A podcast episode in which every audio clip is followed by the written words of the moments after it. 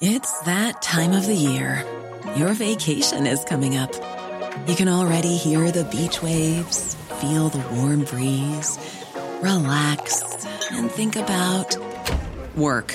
You really, really want it all to work out while you're away.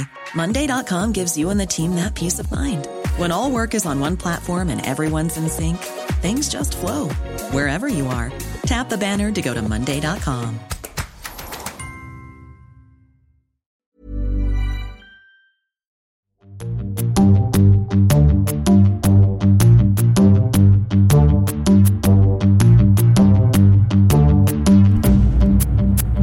Välkomna till ett nytt avsnitt av podcasten Cyril och Stig. Jo tack med samtiden. Podcasten produceras av Starwood. Dagens gäster är vi själva. Och avsnittet är en fortsättning på det förra, samhället. Så lyssna gärna på dem i följd. Vi kom på att vi hade glömt att tala om, ta upp vissa saker i förra avsnittet. Eh, men det fortsätter egentligen på samma linje vad det gör med ett samhälle när vi har eh, låga skatter för de allra rikaste och vi har en medelklass och en arbetarklass som betalar för större delen av samhället. Eh, och vad de här inkomstskillnaderna gör med hårdheten med mer i, i, i samhället. Eh, och för att inte tala om försämrad sjukvård som jag nyligen har råkat ut för och eh, bankernas girighet som den lilla människan i form i det här avsnittet av Stig har råkat ut för. Och banker som då tjänar otroligt mycket på ränta och kortavgifter med mer och kontantlösa samhället. Det är inte gratis att podd. Så vill man stötta oss så swisha 123 535 4857. Jag repeterar 123 535 4857. Alla bidrag är välkomna. Man kan också stötta oss genom att köpa vår öl Cyril och Stig Olut som stavas O-L-U-T som finns i ordinarie sortimentet på Södermalm, i Enskede och i Nacka. Men går också att beställa på systembolaget.se från specialsortimentet så har man det i sitt närmaste bolag eller ända upp till dörren inom 3-4 dagar. Dock har det varit sån stor efterfrågan så att ölen är nu i princip slutsåld. Så att tillgänglig att beställa tror jag det blir först möjlighet till att göra egentligen i slutet av september. För att säga med säkerhet 27, 7 september, lagom till Oktoberfestivalen. Eh, man kan också stötta oss genom att gå in på podstore.se och beställa t-shirts, kaffemuggar, eh, hoodies eh, eller kultur, varför inte kulturpåsar. Eh, avslutningsvis kan man väl säga att då också man kan stötta oss genom att köpa våra böcker på bokus.com. Jag är aktuell med pocketversionen av En resa genom krigets Ukraina den finns också som inbunden då med foton men inte med efterordet uppdaterat. Eh, den finns också som ljudbok. Vill man gå och skriva kurs som vi ska försöka få till i Berlin säg i november, kanske slutet av november realistiskt. Eh, då mejlar man Cyril och Stig at gmail.com. Och det handlar om fyra dagar för 6 000 kronor. En torsdag till söndag. Och man mejlar Cyril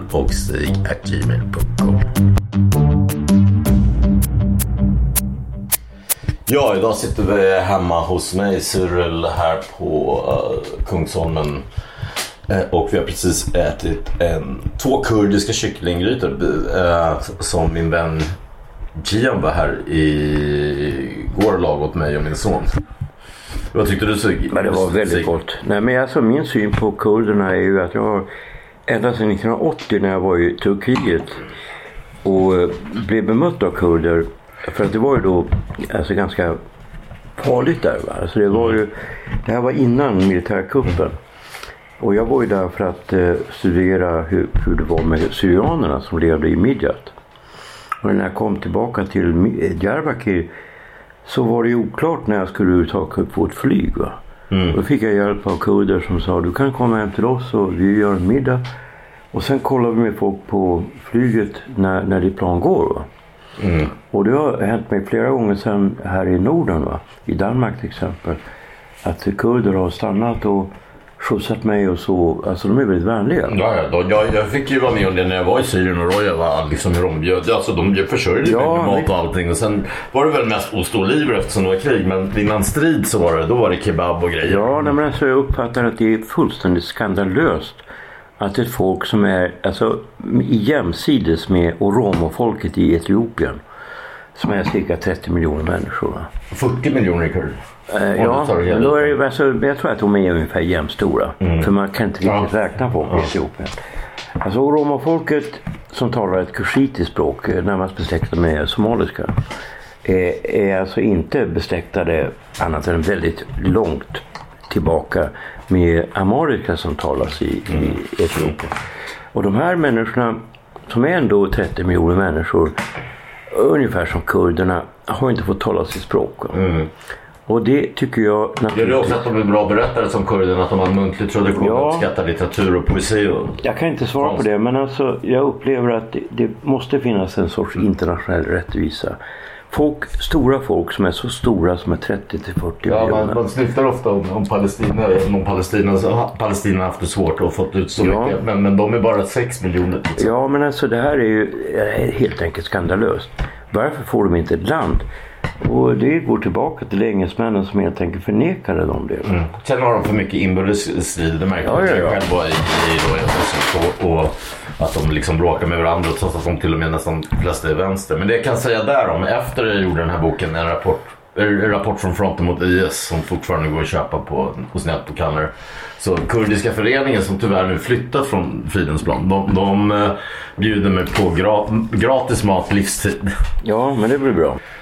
Eh, Okej, men hur har du haft det i sommar då? Alltså det har ju varit eh, alltså ett, ett ganska omtumlande upplevelse jag varit med om eh, efter att jag blivit bestulen av ett bedrägeri. Jag, jag tänkte att jag skulle kunna, jag har skrivit det här idag. Jag tänkte publicera det här i Expressen. Eh, jag har skrivit en kort text. Ja, idag är den 14 augusti där vi sitter men vi kommer inte släppa det här förrän om en eller två Ja, så då hade det redan kommit i Expressen. Men jag kan läsa det här. Tisdagen den 18 juli 13.41 får jag ett sms från din bank. Hej, vi misstänker obehörig aktivitet på ditt konto. Vänligen ring spärrservice snarast på tel 46 85 59 16 897. Jag trycker på det anvisade numret. En man svarar förtroendeingivande, överklass göteborgska, en typisk bankmanröst. Jag frågar vad jag ska göra. Han säger till mig att flytta 29 999 kronor från mitt sparkonto, det stora kontot, till det kontot jag använder till kortet och bankomaten, det lilla kontot. Jag gör så, då säger han till mig att göra det en gång till. När jag frågar varför svarar han inte genast. Reflexmässigt stänger jag samtalet. Pulsen är om möjligt ännu högre. Jag har en Nordea-app på mobilen. Jag trycker på kontaktnumret. Man svarar nästan genast. Jag får veta att jag har blivit utsatt för ett bedrägeri. 32 000 har försvunnit från mitt konto. Jag har blivit lärd att, man, att jag aldrig ska lämna ut mitt sexsiffriga nummer, ett slags ID-nummer, till någon, inte ens min bästa vän. Att jag däremot kan använda mig av det för covidpass och allt möjligt annat, bara ingen ser vilka siffror jag trycker på. Det har jag aldrig heller gjort. Vid tre tillfällen besöker jag polisen. De är mycket vänliga. Jag får klart för mig att det här är ett vanligt förekommande problem. Vid tre tillfällen besöker jag också Nordeas kontor på Hamngatan. Timslång väntetid, ganska kaotisk miljö. Jag har försökt få till stånd ett möte med min bankman, men det går inte. Citat, förrän i höst någon gång. Slutcitat. När jag påtalar att jag tänker skriva om det här får jag till svar, citat, men det är väl fint om du kan få in en blänkare någonstans. Slutcitat. Efteråt har jag fått höra att banken inte kommunicerar via sms. Men den 23 juli får jag just ett sms från Nordea. Jag, får, jag förstår faktiskt inte hur banken annars skulle kunna nå mig. Om inte med telefon, sms eller mail. Efter att det här hände har det varit flera nyheter i Rapport, i pressen om de här bedrägerierna. I dagsläget skulle jag antagligen ha hört varningsklockor ringa redan när jag fick detta osaliga sms. Men samtidigt, jag förstår faktiskt inte riktigt vad jag gjort för fel. Ska jag bestraffas för några minuters bristande gard, allmän misstänksamhet, med 32 000? För mig är det en stor summa. Det dyraste jag har köpt i år är en ny TV för drygt 12 000. Jag är på många sätt och vis en privilegierad person. Jag är frisk. Dessutom händer det mig oftast varje dag att folk på gatan eller i bussen tackar mig för vad jag har gjort. Men det hjälper inte. Det här har rivit upp ett sår för mig. Det handlar om förtroende. Om jag stoppar in pengar på en bank har jag föreställt, har jag föreställt mig att jag kan få tillbaka dem. Förr i tiden var det vanligt med bankrån. Men det var inte så att det var mina pengar som försvann. Två dagar efter den 18 juli fyllde jag 68. Jag är alltså ganska gammal. Men inte så att jag uppfattar mig som senil. Ändå har jag blivit osäker om hur det är med det. Förra veckan skulle jag tillbaka till Stockholm efter en kusinträff vi har haft i nu mer än 30 år. Just i år i Kroksjön utanför Skellefteå. Men när jag skulle checka in bagaget fungerade inte den kod jag hade i mobilen. Jag fick hjälp av min syster Birgitta. Det var två koder, en fyrsiffrig, en någonting annat. Säkert hade jag fått hjälp av personalen om inte hon hade varit där. Det finns ju vänliga människor. Men jag kan inte komma ifrån att jag tänker på alla ännu äldre pensionärer som finns här på Lilla Essingen. En man i röd keps, 86 år. Jag får hjälpa honom med att köpa ett paket cigaretter. Det är en man som har arbetat ett helt liv. Idag ganska hjälplös. Vad är det för ett samhälle vi har skapat? Vad är det för krafter som ligger bakom det här samhället? Ja, jag tänkte, ja, just sådär, för jag tänkte vi döper det här samhället till Girisamhället eh, del 2 och fortsätter lite med Cervenka kommer vi göra och prata om ekonomi. Och gör, men också ett, ett, Sverige som håller på att krackelera eller kaos. Jag var ju med om en liknande grej. Min son som är fotbollsspelare eh, fick vänta, axeln gick ur led. Han fick vänta, jag är på jobbet han fick vänta två timmar på ambulans och innan sa de att han skulle resa sig och gå till Sankt Göran fast jag bor fyra kvarter ifrån. Han kan inte ens ta sig ner i porten. Sen säger de att vi ringer sammanlagt 24 gånger, en gång var tionde minut var. Ja. Eh, han svimmar av också en gång och ena stunden säger ambulansen att uh, Antingen säger de att han visst kan ta sig dit själv eller att de har viktigare saker att prioritera. Och, och det är ju liksom bara för att de nu, polisen har gått hårt åt gängskjutningar och sådana grejer och, att, och, och det belastar vården. Det, det, här är ju ett resultat som att och, och, eller att Fredrik Reinfeldt sa att öppna våra hjärtan. Eh, att förlossningsvården, jag förlorade ett barn eh, 2019 eh, i åttonde månaden. Ingen upplyste om att Kar, eh, mamman då, som var 45, att alla kvinnor över 39 bör gå eh, specialistmödravård. En italiensk väninna sa i Italien råder om att du ska ligga still. Det var ingen som upplyste henne om det. Eh, och min, min mormor ett år efter ambulans hade prov, ehm, privatiserats och hon som var för privatiseringen verkligen. Hon fick ju lida av det då för det tog en timme innan ambulans. Jag var, sov hos henne den natten uh, som av en slump och fick höra hennes primalskrik då i hjärtattack. Och det tog en timme för ambulansen att komma och sen blev hon alldeles sig själv och dog inom tio månader. Så jag menar, allt det här med samhället. Alltså alla drabbas nu på något sätt. Ja. Förutom de allra rikaste kanske. Ja, det jag liksom frågar mig det är ju varför det inte finns något politiskt parti som reagerar över någonting som de flesta svenskar upplever som är fel. Va? Mm -hmm. Alltså, jag förstår inte varför. För det har ju kommit fram efter det här hände mig, veckan efter. Så det har kommit massa nyheter om att det är, alltså jag sa att det var 17 000 men det är tydligen mycket mer va? Kanske 40-50 000? Ja, det är nästan som Gud sände den till mig att vi fick domen. För dagen efter du berättade för mig, av en slump, eh, står en, en träffade jag en eh, snubbe som jobbar egentligen, en svensk som är, som, som är kriminolog och eh, data, IT-tekniker och i vanliga fall jobbar åt banker i London. Men han har blivit headhuntad hit till Sverige för att det är sådana problem att reda upp med eh, en bank då, jag kan inte säga vilken det är, med, med, med om det här. Så att det är ju det är, det är tusentals människor. Och han sa att eh, hade det varit ditt företag, ditt nya bokförlag, Ars eller någonting och du öppnat bankdosan, då, då hade du inte fått tillbaka. Men det fanns en HD-dom från i fjol som bör då alltså vara prejudikat. Där att om inte du har haft något syfte eh, och, och ge pengar eh, så ska banken vara skyldig. Och faktiskt som Cervenka skriver i sin bok och säger så är ju pengarna, men det, det är det sjuka att pengarna inte är dina, det är banken som har ansvar över dem så länge de ligger där. Och bankerna har ju tjänat så mycket pengar. De, de vill ha ett kortsamhälle. För att som jag sa till dig, det, när vi ger ut en pocket på, på ett stort förlag. Eh, då är det ju bara 11% royalty. Vilket betyder att Mastercard eller Visa eh, eller Amex, de tjänar mer och ihop med banken tjänar mer än vad vi får i royalty. Så det är otroliga höga inkomster bankerna får. Även om de tjänar på att låna ut så mycket nu så när räntan höjs så tjänar de också på det. Och de vill ju inte ha... Och sen och på att ha ett kortsamhälle då framförallt alla avgifter. Så, så de kan inte skylla på att det rånades, lite, att det rånades för mycket värdetransporter. De, det, det är ju det här de tjänar på ett kontantfritt samhälle. Men, det, men vad händer som Cervenka säger när alla vi kommer ta ut sina pengar? Då blir det som i Latinamerika att banker går i konkurs på riktigt. Och till och med hänt i USA, skriver Cervenka om. Någon bank och i ja, Schweiz. Alltså, det är ju inte, det är inte så att jag tycker att det är det är ju inte så att jag tycker att det är ett bra scenario. Eh, så det drabbar ju hela samhället.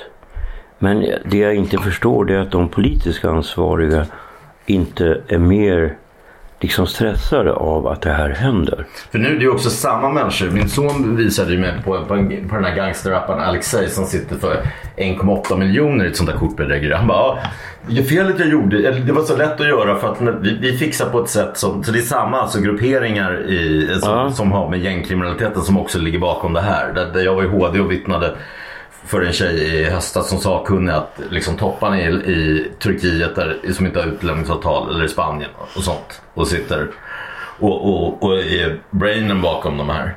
Men, men eh, eh, han sa då att felet jag gjorde det var att jag inte gjorde som vi brukar göra. Att man, man begär om 10 000 hit och dit. För då ringer inte banken ens och kollar som de inte gjorde med dig. Annars om det är för stor överföring gör mm. de det. Och men nu har ju de sagt till dig också att de inte eh, ämnar betala tillbaka. Nej jag vet. Alltså, men det finns, vi har ju fått advokathjälp här så det ska vi gå. Ja nej, men alltså jag känner mig. Alltså, grejen är den att jag känner mig hur det än går. Va?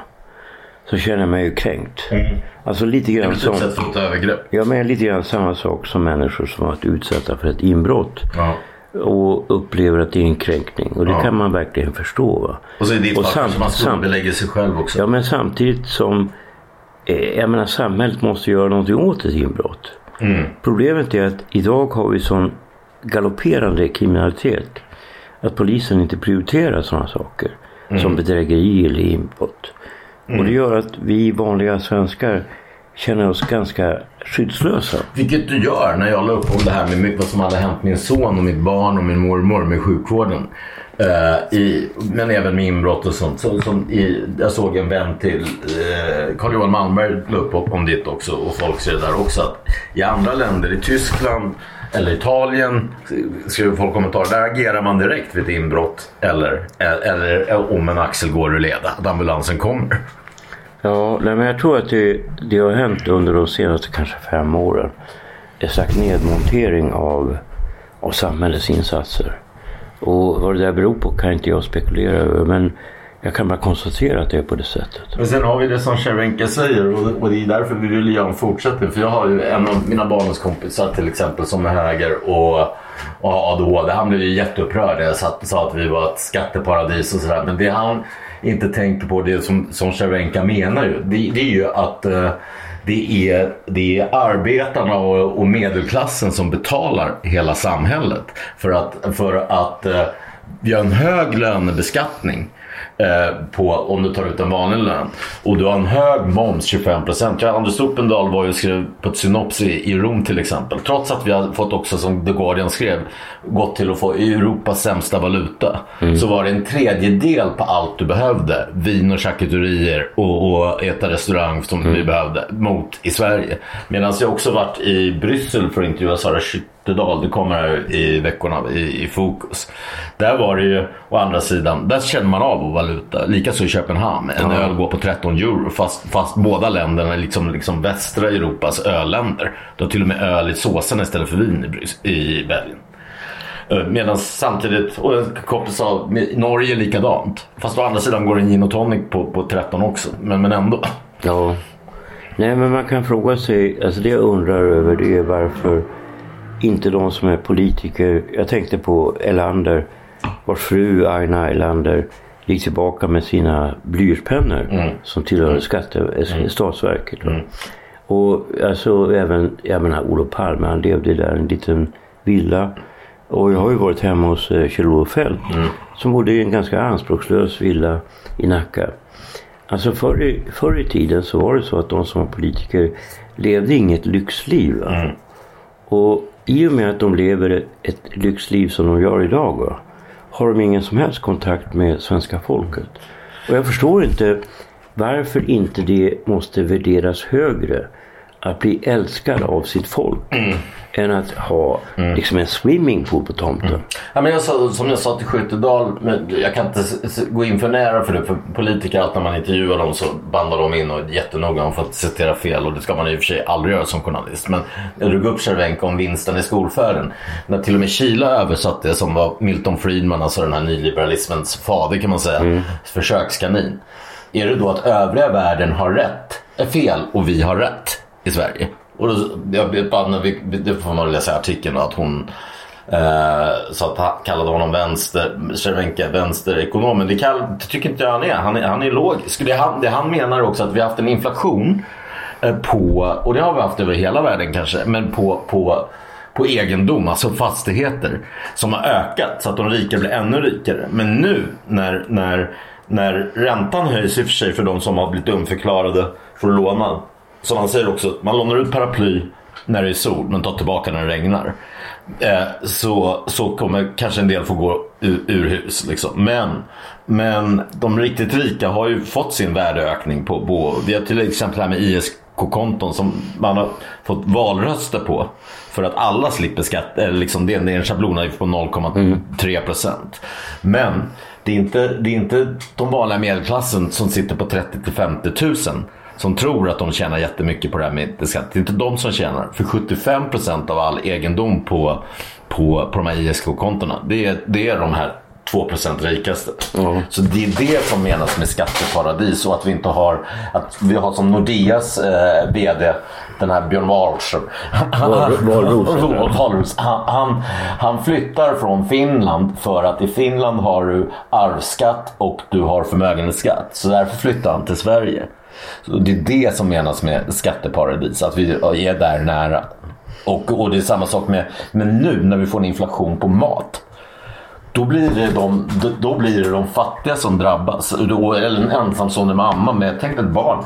Du och jag har en vän som är författare och, han, och disputerad. Men han tjänar inte mycket som författare. Det är minimalt. Och hans fru är etablerad eh, kulturarbetare. Men liksom hon kanske vill säga att hon drar in 30 000 i månaden. Det ska hon försörja hela familjen. Höjd el på det och, och, och har man flera ungar.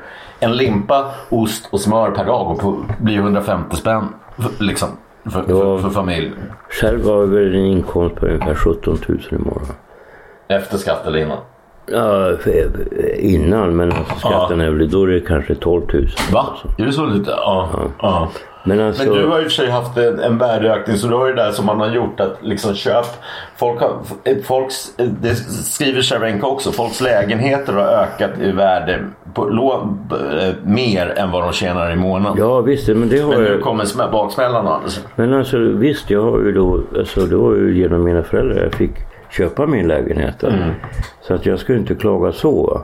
Och den har blivit mycket mer värd, eller ungefär tre gånger så mm. mycket värd som mm. den var mm. när jag köpte den. Eller när vi köpte den. Mm. Men alltså det jag inte riktigt förstår det är varför detta förakt emot vanliga människor. Alltså människor som ändå har arbetat och som har gjort liksom rätt för sig.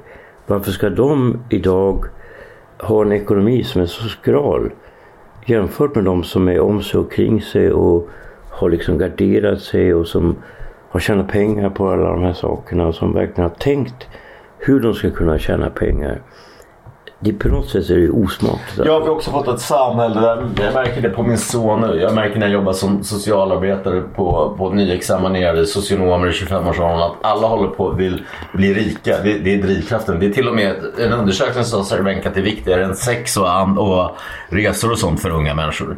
Som, som, eller för vår generation kanske var viktigare.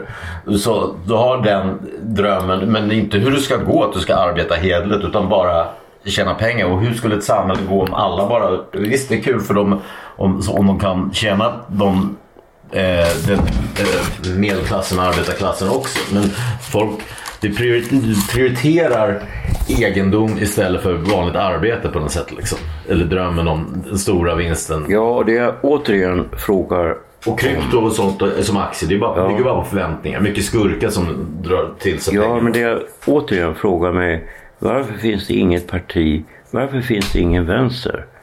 Alltså som det är i dagens läge så är ju kanske inte vänster utan kanske Sverigedemokraterna som står för en vänster men även Sverigedemokraterna står ju inte upp för det. Va?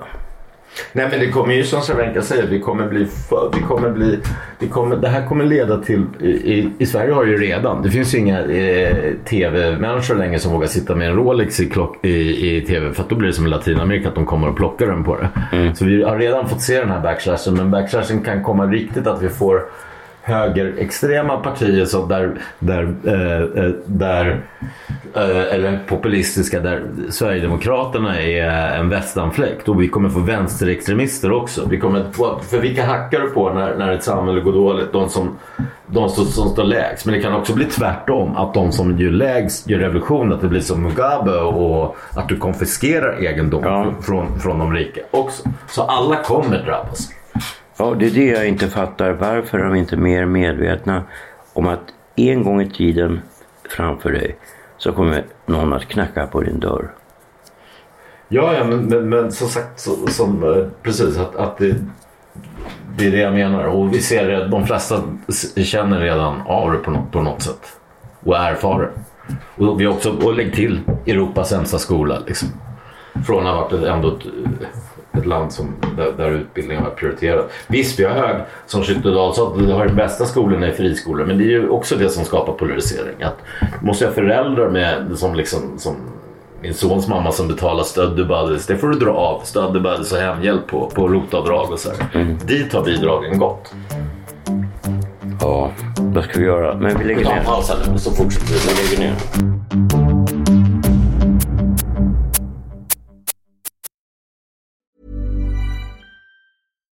When we're on a budget, we still deserve nice things. Quince is a place to scoop up stunning high-end goods for 50 to 80% less than similar brands.